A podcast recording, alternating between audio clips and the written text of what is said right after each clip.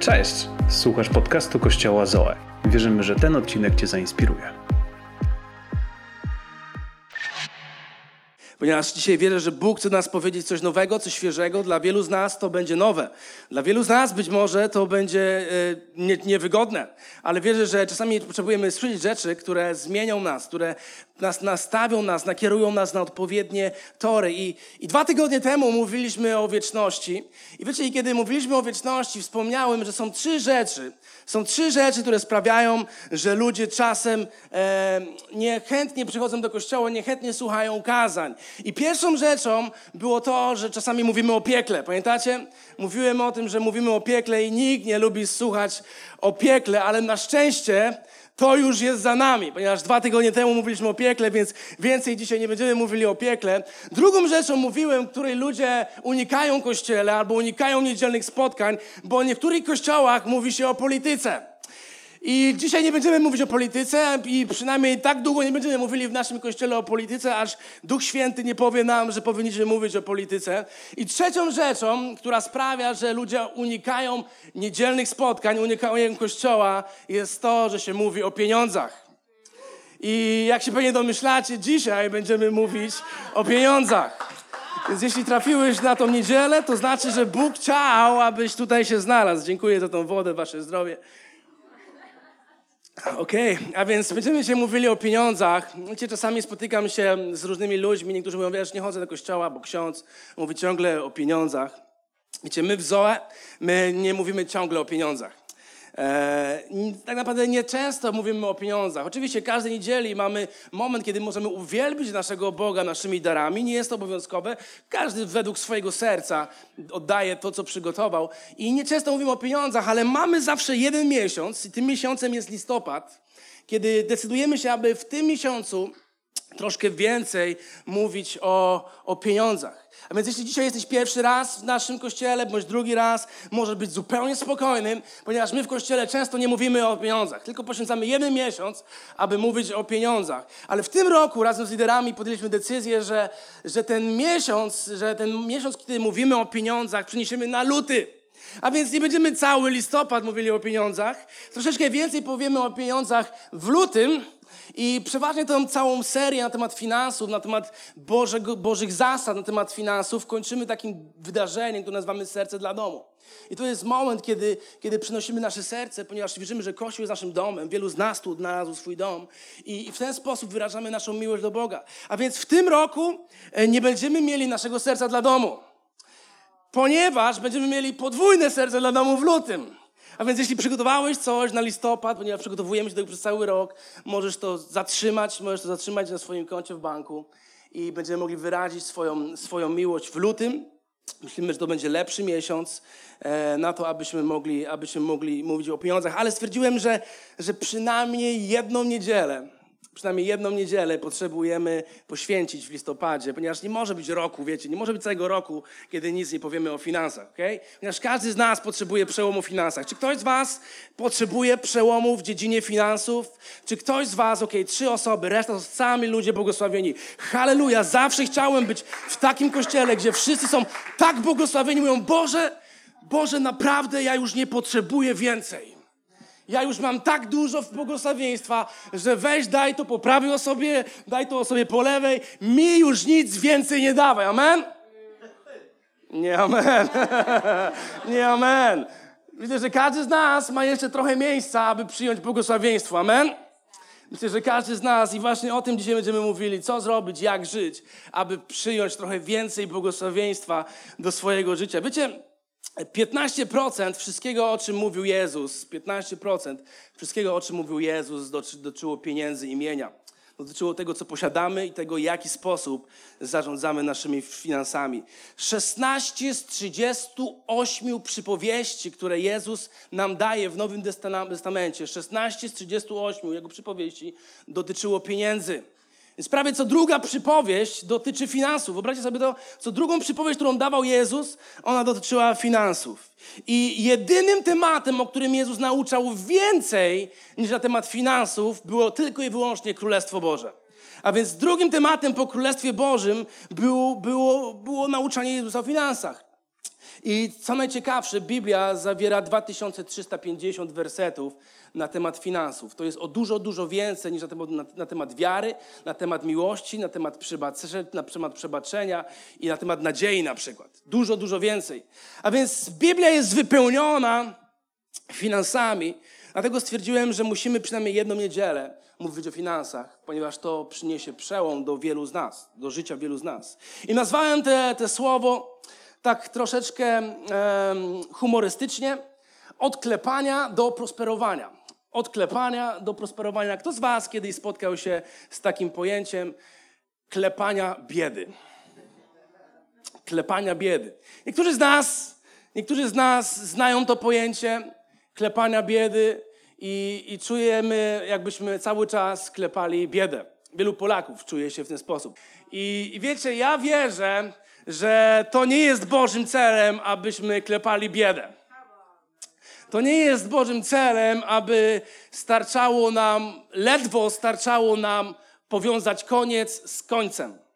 Albo to nie jest Bożym celem, abyśmy mówili, wiesz, jestem bez grosza. Jestem bez grosza, nie mam żadnych finansów. To nie jest Bożym celem. Bóg nigdy nie zamierzał, aby Jego dzieci klepali biedę. Czy mogę usłyszeć jakieś amen? Amen. A więc yy, w sumie na tym mógłbym zakończyć moje kazanie.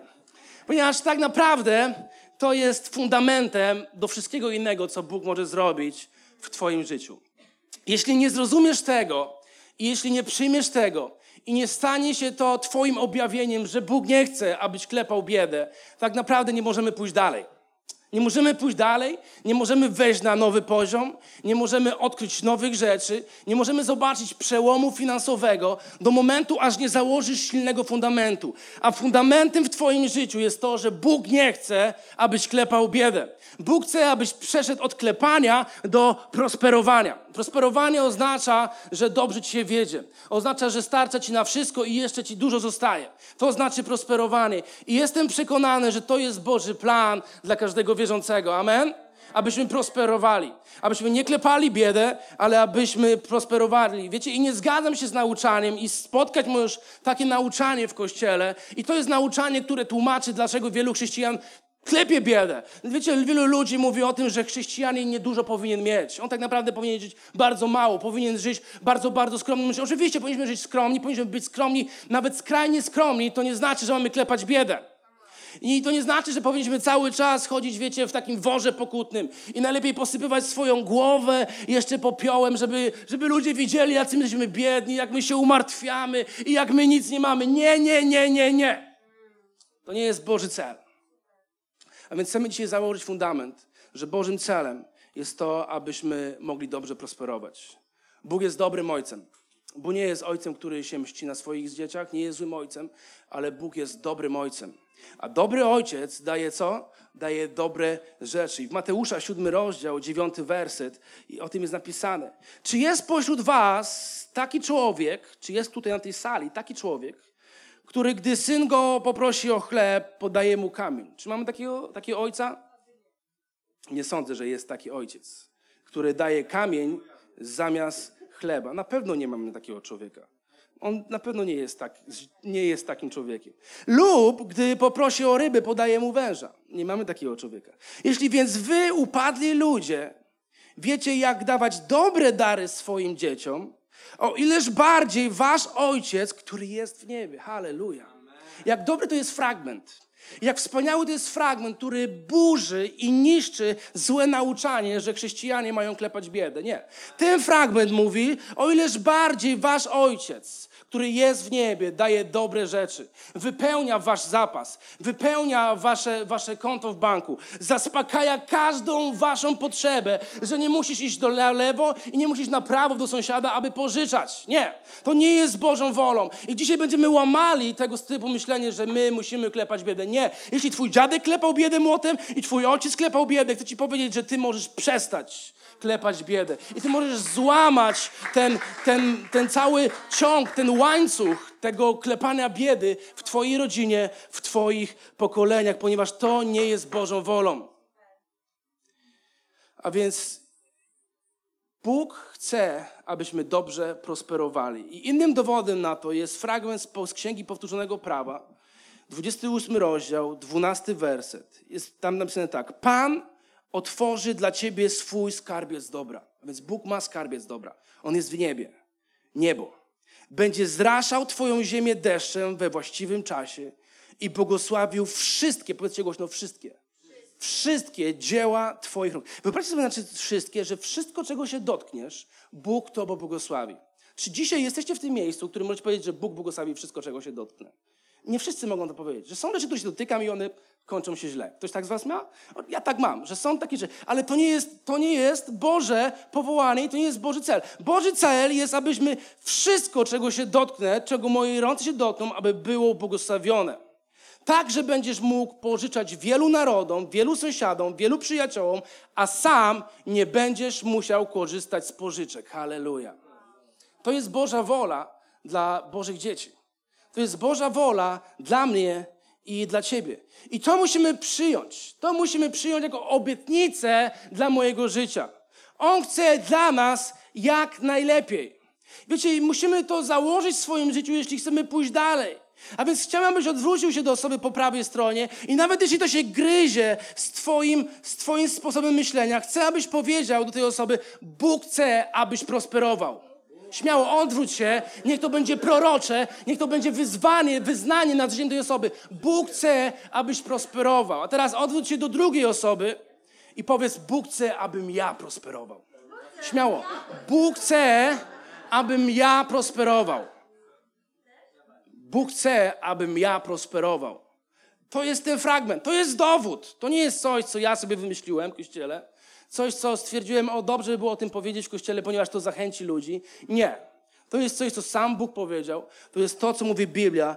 On chce, abyś prosperował. Wiecie, i są trzy powody, dla których Bóg chce, abyśmy prosperowali. Pierwszym powód to jest to, że Bóg Ciebie kocha. Jeśli On kocha Ciebie, On chce, abyś prosperował. Jeśli ty jesteś Bożym dzieckiem, On chce, aby tobie się powodziło. On chce, abyś wiódł dobre życie tutaj na ziemi. Wiecie, mam trójkę dzieci i czwarte w drodze. I może niektórzy o was nie wiedzieli, halleluja, ale czwarty jest w drodze. I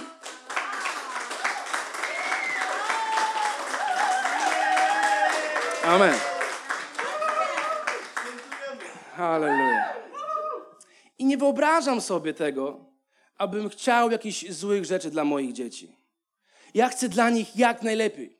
Ja chcę zrobić wszystko przez moje najbliższe jeszcze 20 lat życia, zanim oni, one wejdą w, swój, w swoje dorosłe życie. W sumie Wiera wejdzie w swoje dorosłe życie za 7 lat, więc to mam mało czasu. A więc chcę zrobić wszystko przez najbliższe 7 lat, aby kiedy ona wejdzie w swoje dorosłe życie, aby było jej łatwiej niż mi było, kiedy ja wszedłem w swoje dorosłe życie. Ja chcę dla niej jak najlepiej. Ja chcę, aby moje dzieci miały najlepszą edukację. Ja chcę, aby moje dzieci miały najlepszą opiekę medyczną.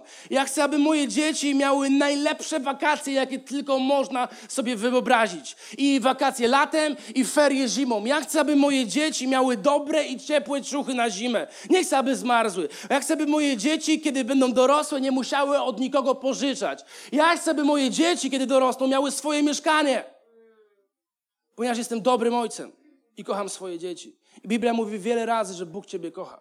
A więc to jest pierwszy powód, powód dla którego Bóg chce, abyś prosperował. I wiecie, i to jest to, co jest bardzo ważne, musimy to zrozumieć. Jeśli oddałeś swoje życie Jezusowi, automatycznie stałbyś się Bożym dzieckiem. Ale czasami nie, nie, nie zachowujemy się jak Boże dzieci. Czasami zachowujemy się dalej, jakbyśmy byli sierotami. I dalej, kiedy zachowujesz się jak sierota, jesteś skazany na to, aby klepać biedę. Ale kiedy ty jesteś adoptowany poprzez wyznanie Jezusa swoim Panem i Zbawicielem, ty stajesz się Bożym dzieckiem i ty powinien zacząć funkcjonować w swojej mentalności przede wszystkim jak dziecko króla. Jak dziecko króla. I powinien zacząć ogłaszać to nad swoim życiem i dążyć do tego, co możesz zrobić, aby to się zamanifestowało. To nie jest tylko nauczanie na temat pieniędzy, wiecie? To jest też nauczanie na temat naszej tożsamości w Chrystusie. Ponieważ wielu z nas musi zrozumieć, że jesteśmy dziećmi króla. Jesteśmy, jesteśmy dziedzicami tego wszystkiego, co Bóg ma dla nas. Wszystkiego tego, co zrobił Jezus na krzyżu. A więc druga rzecz, drugi powód, dla którego Bóg chce, abyśmy prosperowali, to jest to, że Królestwo Boże jest w Bożym sercu. A więc Bóg wie, że kiedy, kiedy my dobrze prosperujemy, to my będziemy troszczyć się o Królestwo Boże na ziemi tutaj. Bóg chce, abyśmy ustanawiali Królestwo Boże na ziemi. Bóg chce, abyśmy budowali Królestwo Boże na ziemi. Bóg chce, abyśmy budowali Kościół tutaj na ziemi. Jezus powiedział, kiedy odchodził do nieba, Jezus powiedział, idźcie więc i pozyskujcie uczniów pośród wszystkich narodów. To wymaga funduszy. Idźcie więc i pozyskujcie wszystkich, wszystkie narody. I to wymaga funduszy w naszym życiu. To wymaga tego, że, że będziemy gotowi dawać. A więc nie możesz dać, jeśli nie masz. Jeśli, jeśli, jeśli masz dać, to oznacza, że to musisz to mieć w swoim życiu najpierw. A więc skąd to możesz mieć? Z tego miejsca, że Bóg chce, abyś prosperował, a więc On jest gotowy wypełnić Twoje życie. On jest gotowy wypełnić Twoje życie błogosławieństwem, abyś Ty mógł dbać o Królestwo Boże, ponieważ Królestwo Boże jest w Jego sercu. Wiecie, ta sala kosztuje pieniądze. My tutaj nie spotykamy się za darmo. Nikt nam tej, tej sali charytatywnie nie dał. I ta sala kosztuje za każde spotkanie 3,5 tysiąca złotych. A więc dzisiaj, kiedy skończymy to spotkanie, przyjdzie nam zapłacić 3,5 tysiąca złotych za to spotkanie. Wiecie, i, i, i ja nie mam tyle pieniędzy dzisiaj przy sobie, aby zapłacić to spotkanie. I podejrzewam, że nie każdy z nas ma tyle pieniędzy, aby każdej niedzieli przez 52 niedziele w tygodniu, w roku, aby zapłacić za to spotkanie. Jeśli pomożemy 3,5 tysiąca razy, razy 52, to wychodzi nam prawie 200 tysięcy. Ja nie mam 200 tysięcy na banku odłożonych tak po prostu, żeby zapłacić za salę. A więc, więc Bóg mówi, że to jest Królestwo Boże, my budujemy Królestwo Boże i On chce pobłogosławić nas, abyśmy my mogli stać się błogosławieństwem dla Królestwa Bożego tutaj na ziemi.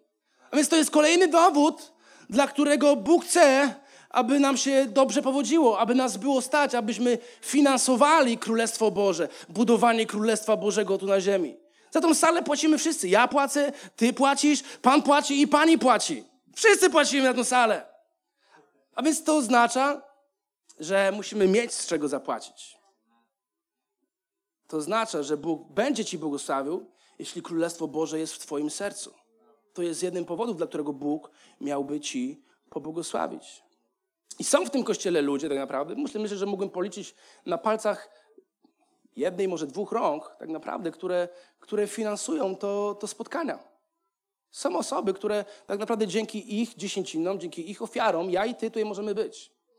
Dlatego, że Bóg zobaczył, że ich serce jest otwarte, Bóg zobaczył, że ich serce jest gotowe, aby dawać i wiecie, i Bóg im błogosławi z roku na rok coraz bardziej i coraz bardziej. Ja obserwuję ich życie, życie tych ludzi mówię, wow, Bóg im błogosławi. Dlatego, że w ich sercu jest Boże Królestwo. I Bóg chce błogosławić takich. Trzeci powód, dla którego Bóg chce błogosławić, to jest to, że Bóg chce, abyś stał się błogosławieństwem dla innych. Dla innych ludzi. Nie dla Królestwa Bożego jako Kościoła, budowania królestwa, ale dla innych ludzi, dla Twoich sąsiadów, dla ludzi, których mijasz na ulicy, dla ludzi, z którymi pracujesz. Bóg chce, abyś stał się błogosławieństwem dla innych. Innymi słowy, nie zobaczysz prosperowania w swoim życiu, jeśli nie zależy Ci, aby być błogosławieństwem dla innych. Nie zobaczysz przełomu w swoim życiu, jeśli w Twoim sercu nie jest to, aby błogosławić innych ludzi. Jaki jest powód, dla którego Bóg miałby Ci dać więcej, jeśli w moim sercu, jeśli w Twoim sercu nie jest chęć błogosławienia innych? A więc Bóg będzie sprawiał, że my będziemy prosperowali wtedy, kiedy zobaczy, że jesteśmy gotowi, aby być błogosławieństwem dla innych. I tak było z Abrahamem. Bóg powiedział, wywiodę z ciebie naród wielki i będę ci błogosławił, rozsławię twoje imię i staniesz się błogosławieństwem. A więc Bóg zawsze ma powód, dla którego daje nam błogosławieństwo. Bóg zawsze ma powód, dla którego sprawia, że prosperujemy. Innym takim przypadkiem był Józef. Pamiętacie, Józef trafił do niewoli w Egipcie. I Bóg go tam umieścił po to, aby on prosperował, aby mógł stać się ratunkiem dla swojego ojca, dla swoich braci, dla swoich krewnych, dla całego domu i tym samym dla całego Izraela. Jest napisane, że kiedy Józef był w Egipcie, jest napisane, w ten sposób Józef nagromadził zboża jak piasku morskiego. Wow! Tak wiele, że w końcu przestano je mierzyć, nie miało bowiem miary. Wyobraźcie sobie, co to znaczy tak dużo, że aż nie da się tego zmierzyć? Mieć tak dużo czegoś, że nie jesteś w stanie tego policzyć i po prostu mówisz, a ja to mam, ale nie jestem w stanie tego policzyć. Nikt nie jest w stanie tego policzyć. Tak było w przypadku Józefa. A więc dlaczego to się wydarzyło? Ponieważ Bóg wiedział, że Józef będzie błogosławieństwem dla innych. Józef będzie błogosławił cały ród Izraela. A więc powiedział, okej, będę mu błogosławił, będzie prosperował tam, gdzie jest, nawet w niewoli będzie prosperował, nawet w inflacji będzie prosperował, nawet w kryzysie będzie prosperował, nawet kiedy wszyscy po lewej i po prawej nie mają, on będzie prosperował. Dlaczego? Dlatego, że stanie się ratunkiem i stanie się błogosławieństwem dla wielu, wielu innych ludzi. I to jest Bożym powodem numer trzy. A więc teraz zadajesz sobie pytanie, okej, to są powody, dla których Bóg miałby mi błogosławić. Ale teraz jak dojść do miejsca, w którym Bóg mi błogosławi? A więc mam trzy rzeczy, na których, o których chciałbym dzisiaj powiedzieć. Przeważnie zajmuje nam to, wiecie, miesiąc, o którym mamy mówić. Mi zostało, według tego zegarka, chociaż myślę, że źle chodzi, jakieś 13 minut. Więc mam 13 minut, aby powiedzieć to, o czym Biblia mówi w 2500 wersetów. A więc pierwsza rzecz, którą musisz zrozumieć, aby wejść do miejsca prosperowania to, i którą musisz zacząć robić w swoim życiu, to jest umieścić Boga na pierwszym miejscu. Umieścić Boga na pierwszym miejscu. Nie na drugim miejscu, nie na trzecim miejscu w swoim życiu, nie na piątym albo dziesiątym, ale jeśli chcesz zobaczyć przełomy w swoim życiu finansowe, powinieneś umieścić Boga na pierwszym miejscu. I to, co pokazuje, pierwszą rzeczą i najważniejszą rzeczą, która pokazuje na którym miejscu jest Bóg, są nasze finanse.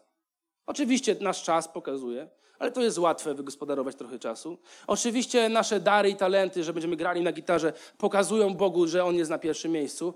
Ale tak naprawdę rzeczą ważniejszą i rzeczą bardziej wymierną są nasze finanse. Ponieważ czasami łatwo jest nam dać czas, czasami łatwo jest dać nam nasze dary i talenty, ale kiedy już musimy dać finanse, to już pojawiają się blokady. A więc tak naprawdę rzeczą najważniejszą jest umieścić Boga na pierwszym miejscu w moich finansach. I wiecie, i Bóg dał nam e, uproszczenie. Dał nam taki sposób, w który wiemy o co chodzi w tym, że umieścimy Boga na pierwszym miejscu. Czasami niektórzy by mówili, gdybyś nam tylko Bóg powiedział, umieść mnie na pierwszym miejscu, niektórzy by zastanawiali się, ale w jaki sposób mam Ciebie umieścić na pierwszym miejscu? Ile mam odłożyć, żeby umieścić Ciebie na pierwszym miejscu. Niektórzy by na przykład dawali 5% swoich, swoich dochodów i, i by myśleli, że to jest ok. Niektórzy by dawali 30% i ci, co dają 5%, myśleliby ci, że ci, co dają 30%, to dają za dużo. A ci, co dają 30%, mówiliby, że ci, co dają 5%, dają za mało. A więc, żeby wszystko uprościć, Bóg przyszedł do nas i powiedział, hej, umyśl na pierwszym miejscu i chcę twoich 10%. Nikt nie mówi amen, ponieważ to jest skazanie na temat finansów. Ja wiem, że nie wszyscy są szczęśliwi i nie wszyscy lubią tego słuchać, ale Bóg uprościł to. I dla wszystkich jest 10%. Dla tych, co zarabiają bardzo mało, jest 10%. I dla tych, co zarabiają bardzo dużo, jest 10%. Dla mnie jest 10% i dla ciebie jest 10%. I dla multimiliardera też jest 10%. 10% to jest 10%. Nie 9%, nie 11%, ale to jest 10%. Amen? Mamy 19% podatku dochodowego, mamy 23% VAT-u i to nie jest 22%, ani 24%, to jest 23%. Wiecie, kiedy idziesz do sklepu i robisz zakupy w Lidlu, to ty nie mówisz, hej, powie pan co, pan mi mógł tam nabić 22% dzisiaj tego podatku. Nie, proszę pana, mamy 23% VAT-u, a nie 22% VAT-u. Nie, to są pewne rzeczy, które są ustanowione odgórnie. I Bóg dał nam uproszczenie. Dał nam uproszczenie i powiedział, że Postaw mnie na pierwszym miejscu w swoich finansach i daj mi pierwszą dziesiątą część z tego, co posiadasz, z tego, co zarabiasz, z tego, co masz. I ja myślę, że to jest uczciwe. Ja myślę, że to jest uczciwe, że Bóg pokazuje nam, ile z mojej wypłaty, ile z mojej pensji powinienem mu oddać. I cała Biblia o tym mówi. Od Starego Testamentu do Nowego Testamentu. I w żadnym miejscu ani w Nowym Testamencie, ani w Starym Testamencie nie ma ani jednego fragmentu, który by to odwołał. A więc wiecie, czasami przestrzegamy wielu innych przykazań, nie mordujemy, wiecie, nie kłamiemy, nie mamy innych bożków i nie modlimy się do bożków i do obrazów, ale o tym jednym przykazaniu, o 10% zapominamy. Ponieważ nie jest do końca wygodne dla nas. Ale prawda jest taka, że nie znajdziesz fragmentu, w którym by to było odwołane. A więc jeśli czasami chcemy błogosławieństwa finansowego i chcemy przełomów, pierwsza rzecz, od której ja i ty powinniśmy zacząć, pierwsza rzecz, postawić Boga na pierwszym miejscu w moich finansach. Powinien stać się numerem jeden w tym, co zarabiam. Pierwsza część, pierwsza część z dziesięciu należy się do Niego. Biblia mówi, że pierwsza część należy się dla Boga. A więc my tak naprawdę nie, i Biblia o tym też mówi, nie dajemy Bogu 10%, tylko my oddajemy Bogu 10%. Wiecie, jest zasadnicza różnica pomiędzy dawaniem a oddawaniem. Kiedy ktoś pożyczy ode mnie samochód i przychodzi mi go dać, on tak naprawdę nie daje mi samochodu, mojego samochodu, tylko on mi oddaje mój samochód.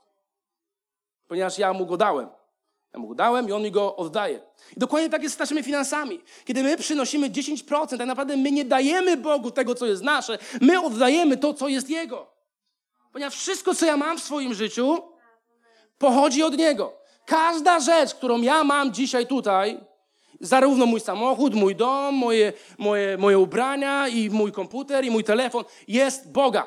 Dostałem to od Niego. Gdyby nie Jego dobroć, gdyby nie Jego wierność, gdyby nie to, że On się troszczy o mnie i mój dom, nie miałbym tego. Więc kiedy przychodzi do, do mojej wypłaty, ja biorę moją dziesiątą część, pierwszą dziesiątą część i oddaję Mu, ponieważ to jest Jego. To się należy dla Niego. I w ten sposób ja pokazuję wdzięczność. To nie jest coś, co ja muszę robić, bo tak jest napisane, oczywiście jest napisane. Ale to jest moja wdzięczność.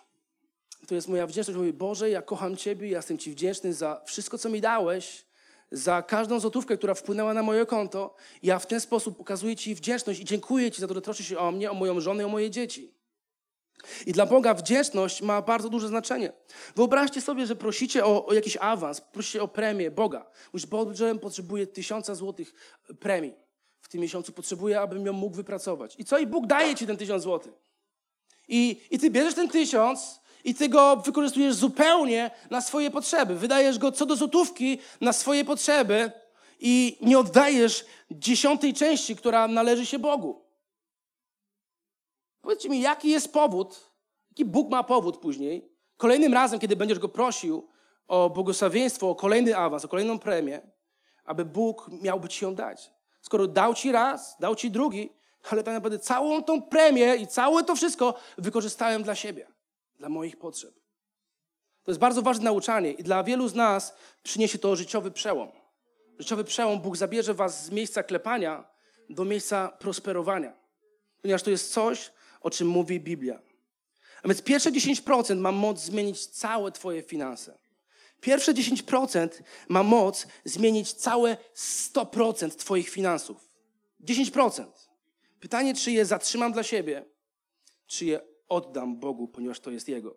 Malachiasza 3,10, jeden z ulubionych fragmentów, mówi tak: Przynieście do spichlerza, spichlerz to jest Boży dom, całą dziesięcinę, aby był zapas w moim domu. I w ten sposób wystawcie mnie na próbę, mówi Pan zastępów. Przekonacie się, czy wam nie otworzę okien nieba i czy nie wyleję na was błogosławieństwa ponad miarę. A więc to jest tak jak Józef, że nie było miary, którą mógł policzyć ten piasek, który, który, który został, ten, te ziarno, które zostało zebrane, jak piasek w morzu. Inne tłumaczenie mówi, czy wam nie otworzę okien nieba i nie wyleję na was błogosławieństwa, tak, że nie będziecie mieli gdzie go podziać. A więc nie będziesz miał wystarczająco miejsca w swoim domu, aby pomieścić te błogosławieństwo. Będziesz musiał się zacząć pozbywać tego błogosławieństwa na lewo i na prawo. Wiecie, ja mam duży dom i ja naprawdę mam dużo miejsca, aby wypełnić błogosławieństwo, tym błogosławieństwem ten dom. To pokazuje jedną rzecz że Bóg chce nam błogosławić ponad miarę. A więc jak dużo Bóg ma ci dać błogosławieństwa, abyś nie mógł go pomieścić w swoim domu? Jak dużo? To jest Boża wola. To jest Boża wola do Twojego życia. On chce dać tak dużo błogosławieństwa, abyś nie mógł go pomieścić w swoim domu, abyś nie mógł go pomieścić dla swojej rodziny. To jest Boże prawo. To jest prawo dziesięciny. To jest piękna też obietnica, że Bóg, kiedy my jesteśmy wierni, to Bóg też jest wierny i Bóg odpowiada. I to troszkę przypomina mi historię Lota i Abrahama. Pamiętacie Lota i Abrahama? Kiedy w pewnym momencie wędrowali, Lot był bratankiem Abrahama, wędrowali i Biblia mówi tak. Następnie Abram, z, nie przepraszam, to jest wcześniej, później będzie, dobytek obu stał się tak wielki, czyli Abrahama i Lota, że nie mogli obozować obok siebie. Brakowało na to miejsca. A więc zarówno jeden i drugi byli tak bardzo zamożni, tak bardzo dobrze prosperowali, że oni nie mogli mieszkać obok siebie. Ponieważ ich, ich bydło, ich owce, ich służba, ich, ich, ich cała, cała rodzina, ich cały majątek był tak wielki, że ziemia nie była w stanie obsłużyć tych ludzi. Potrzebowali się rozdzielić. Jeden poszedł w lewo, a drugi poszedł w prawo. I ja wiem, że to jest błogosławieństwo, które przynosi Bóg, ale zastanawiam się, dlaczego Bóg tak błogosławił Abrahamowi. Wiecie, ja mam działkę tysiąc metrów ja naprawdę mogę tam dużo błogosławieństwa pomieścić. Ja myślę, że oni zobaczyli ogromny teren, na którym żyli. To nie było tysiąc metrów. To były setki tysięcy metrów, w którym żyli, w którym paśli swoje stada. I te stada były tak wielkie, że oni nie mogli ich pomieścić. A więc zastanawiam się, Boże, dlaczego Abraham był tak bardzo błogosławiony? I czytamy w kolejnym rozdziale o tym, dlaczego. Bóg odkrywa dla nas, dlaczego to. Następnie Abram złożył Melchizedekowi, Melchizedek to był kapłan, dziesięcinę ze wszystkiego. Dziesięcinę ze wszystkiego, co posiadał. A więc Abraham był mężem dziesięciny. Abraham był mężem pierwszej części, która należy się dla Boga. Abraham był tym mężem. To był jego styl życia. I dlatego Bóg tak bardzo mu błogosławił. Podejrzewam, że nauczył też tego swojego bratanka Lota. A więc Lot też był mężem dziesięciny. Tak przypuszczamy, że ziemia nie była w stanie ich razem obsłużyć. Dlatego, że był mężem dziesięciny. I to jest niesamowite. Ponieważ ten fragment, zobaczcie, to jest niesamowite. Wielu ludzi czasami dyskutuje i, i mówi, o wiesz, to był Stary Testament, to było prawo, to był zakon. Teraz żyjemy w Nowym Testamencie. Zakonu już nie ma, prawa nie ma. Prawda jest taka, że to było 500 lat przed tym, zanim Bóg dał Mojżeszowi prawo i zakon. 500 lat, zanim Bóg powiedział, chcę Twojej dziesięciny. A więc to nam pokazuje, że, że zawsze u Boga pierwsze miejsce, pierwsza dziesiąta część miało znaczenie i przed zakonem, i w zakonie, i teraz, kiedy my żyjemy w czasie łaski. To ma znaczenie dla Boga. To ma ogromne znaczenie dla Boga. I zobaczcie, co dalej Malachiasz mówi.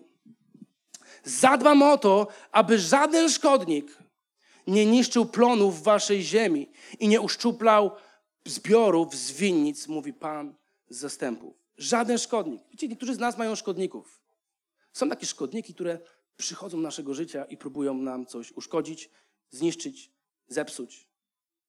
Czasami psuje nam się lodówka, czasami psuje nam się samochód. Znam ludzi, którym się samochód pasuje co dwa tygodnie.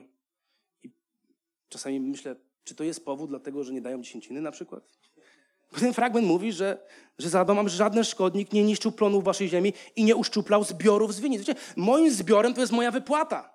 A więc jeśli przychodzi jakiś szkodnik i uszczupla mi co, co tydzień czymś i niszczy to, co ja zarobiłem i okrada mnie z różnych rzeczy i samochód mi się psuje i ząb mi się psuje i lodówka mi się psuje, to znaczy, że są szkodniki w moim życiu.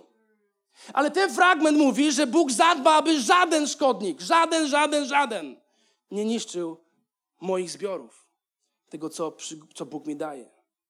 A więc czy nie lepiej jest przynieść 10% i oddać to Bogu i mieć spokój ze wszystkimi, ze wszystkimi szkodnikami w swoim życiu, niż zatrzymać 10% i tak co chwilę wydawać więcej niż 10% na szkodniki, aby się ich pozbyć ze swojego życia.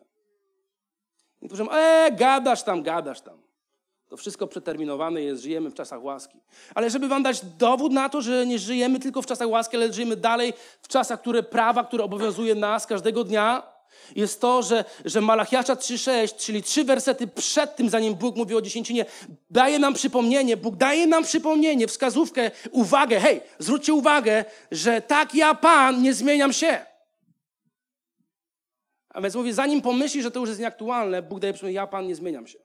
Moje prawo się nie zmienia. To, co działa w finansach w moim życiu, w życiu Twoim, się nie zmienia. Sam Jezus powiedział takie słowa, czyli w czasie łaski, już zobaczcie.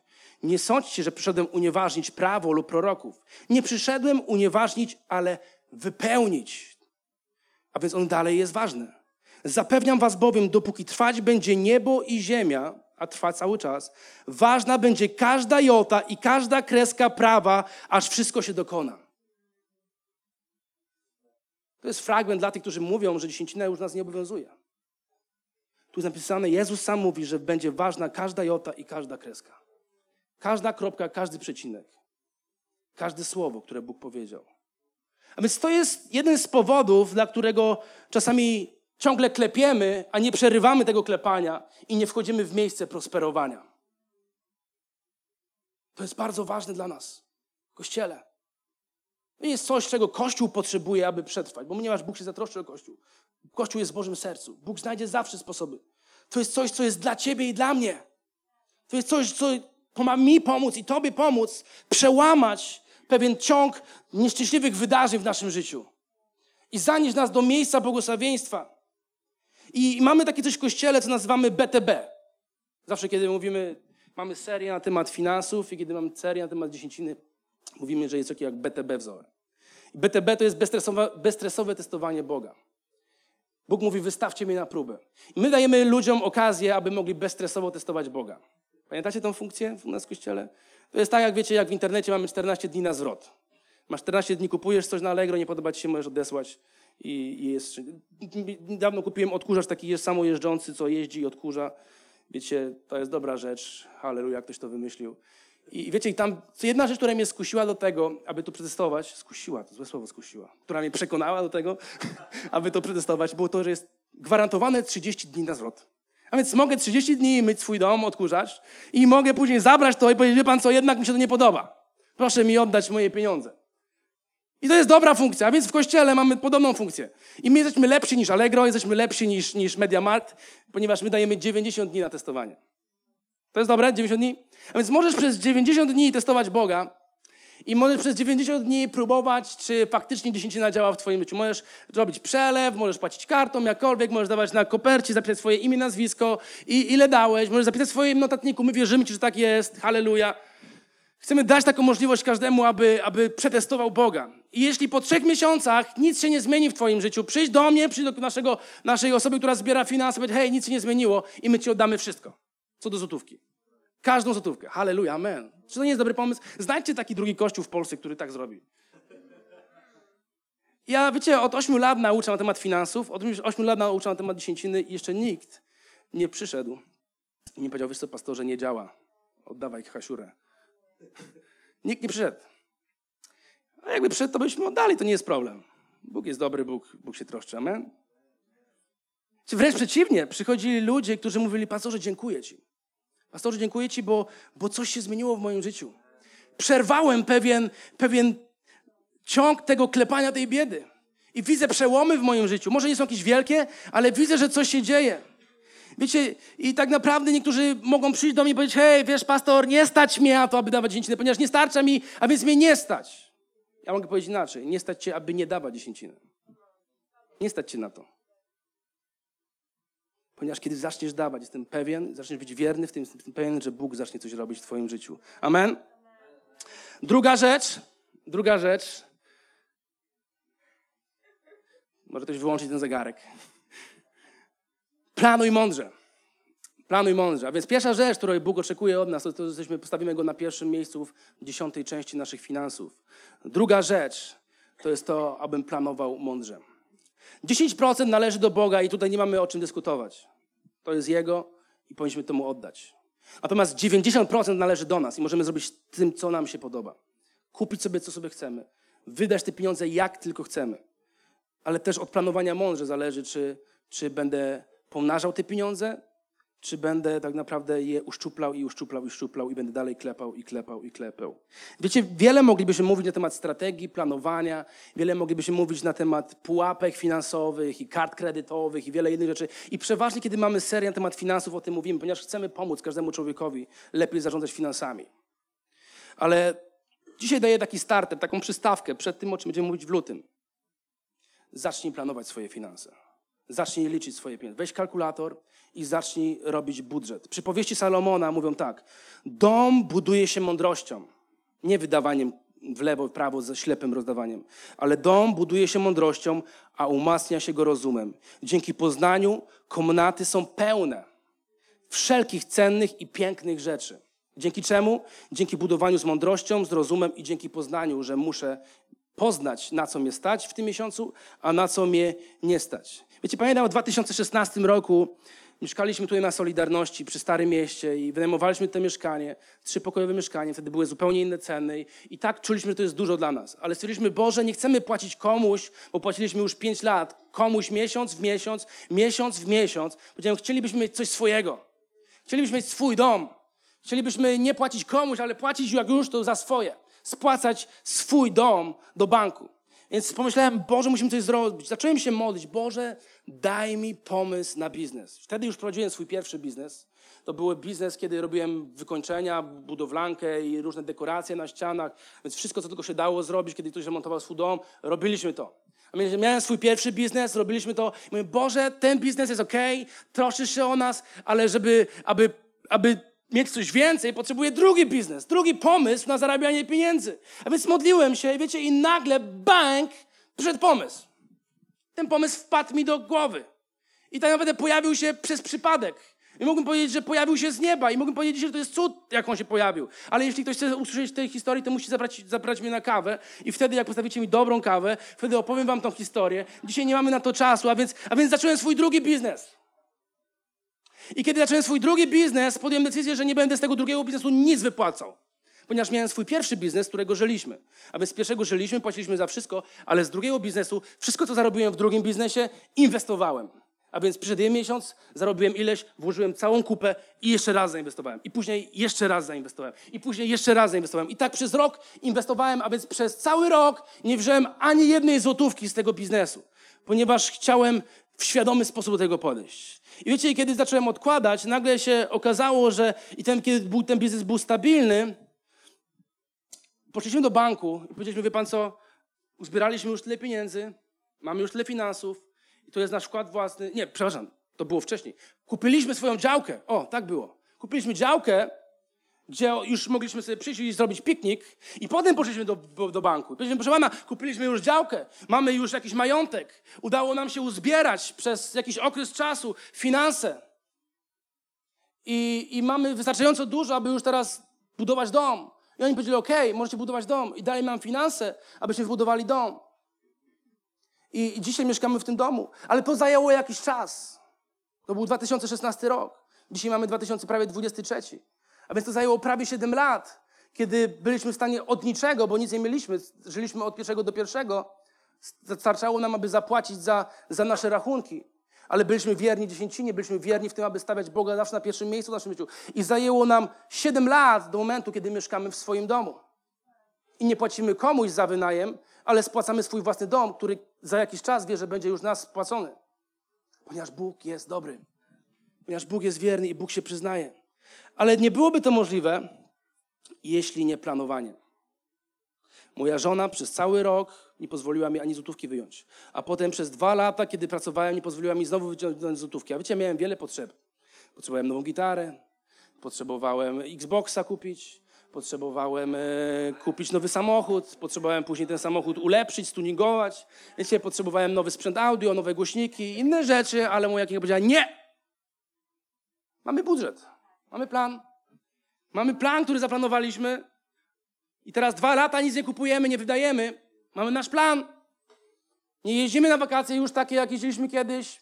Jedziemy sobie pod grusze tutaj na Mazury, albo pójdziemy sobie na Stare Miasto. Ponieważ mamy plan. Przemęczymy się dwa, trzy lata i po dwóch, trzech latach zobaczymy przełomy w naszym życiu, ponieważ mamy plan. Wiecie, budżet jest potrzebny po to, i jest kilka powodów, dlaczego potrzebujemy budżet.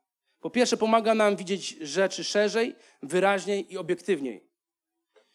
Pomaga nam widzieć rzeczy szerzej, wyraźniej obiektywniej. Po drugie, zmusza nas do zbadania i wyjaśnienia naszych wartości i priorytetów. Zwróćcie uwagę, jak zaczynasz śledzić, na co wydajesz, sprawdzasz na swoje konto w banku i patrzysz na historię, mówisz, kurczę, wydałem takie głupie rzeczy, kupiłem to, przecież nie używam tego, już zupełnie tego nie używam w swoim życiu. A więc wyjaśnia nasze wartości i priorytety.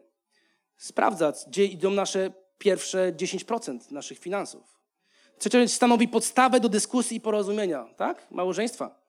A więc kiedy mamy budżet, możesz powiedzieć, widzisz, kochanie, tu jest taki budżet, mamy tu wolne 100 zł, może byśmy te 100 zł przeznaczyli na to. A więc budżet daje nam podstawę do dyskusji i porozumienia. Prowadzi do odpowiedzialności. Stajesz się odpowiedzialny za swoją rodzinę. Pomaga nam żyć w miarę naszych możliwości, a więc nie żyję ponad stan, nie wydaję więcej niż zarabiam, ale wydaję tyle, ile mogę wydać w tym miesiącu. Pomaga nam żyć bez długów i buduje charakter i buduje dyscyplinę w naszym życiu. A więc to jest bardzo ważne, co pomaga nam zrobić budżet. My potrzebujemy budżetów, amen? Mężczyźni potrzebują budżetów, amen? Kobiety potrzebują budżetów, amen? Małżeństwa potrzebują budżetów, amen? Nasze dzieci potrzebują budżetów I potrzebują wiedzieć, na co w tym roku stać naszą rodzinę, a na co nie stać w tym roku, w tym miesiącu. Jaki prezent kupimy na urodzinę, a jakiego nie możemy sobie pozwolić, ponieważ mamy budżet i mamy plan. Trzecia rzecz, ostatnia. Nie pożądaj bogactwa. To jest bardzo istotna rzecz. Pierwsza rzecz, pamiętacie? Umieść Boga na pierwszym miejscu. Druga rzecz, planuj i żyj mądrze. Trzecia rzecz, nie pożądaj bogactwa. Ale jak to? Najpierw mówisz nam przez pokazania, że mamy prosperować, że Bóg chce, abyśmy, abyśmy żyli w dobry sposób, abyśmy, abyśmy mieli tak dużo, że nie jesteśmy w stanie gdzie tego pomieścić, a że będziemy musieli to rozdawać na lewo, na prawo. A teraz mówisz, że mam nie pożądać bogactwa. Tak, dokładnie, ponieważ to są dwie różne rzeczy. To są dwie różne, zupełnie inne rzeczy. Bóg ma świetne plany dla nas i Bóg mówi, że ma Bóg doskonałe plany. Bóg ma plany o prosperowaniu. Bóg ma plany, dobre plany o nadziei, o dobrej przyszłości dla każdego z nas. I to jest super, świetne plany. Ale świetne plany Boga nigdy nie powinny być motywem naszych działań. A więc nie, nie teraz nie będę służył Bogu, będę przynosił moje 10%, ponieważ kiedy będę to robił, to Bóg złamie pewien ciąg takich złych wydarzeń w moim życiu. Nie, to nie powinno być motywem. Moim motywem jest to, że kocham Boga, że kocham Kościół, że kocham Królestwo Boże. Jestem wdzięczny na to, co On zrobił mi. I to jest moim motywem. Nie motywem to, że będę miał więcej, będę miał więcej i, i będę mógł lepiej prosperować. To nie powinno być naszym motywem. Jakie są Twoje motywacje posiadania więcej? Jakie są Twoje motywacje posiadania bogactwa? Czy to, aby być spełnionym? Czy to, aby pokazać się swoim znajomym, przyjaciołom, jakim ty autem przyjeżdżasz do kościoła i po jakim autem przyjeżdżasz na grilla? Czy to, aby nosić lepsze ubrania, lepsze ciuchy z jakąś markową naszywką, metką, żeby ludzie widzieli, jaki ty masz torebkę?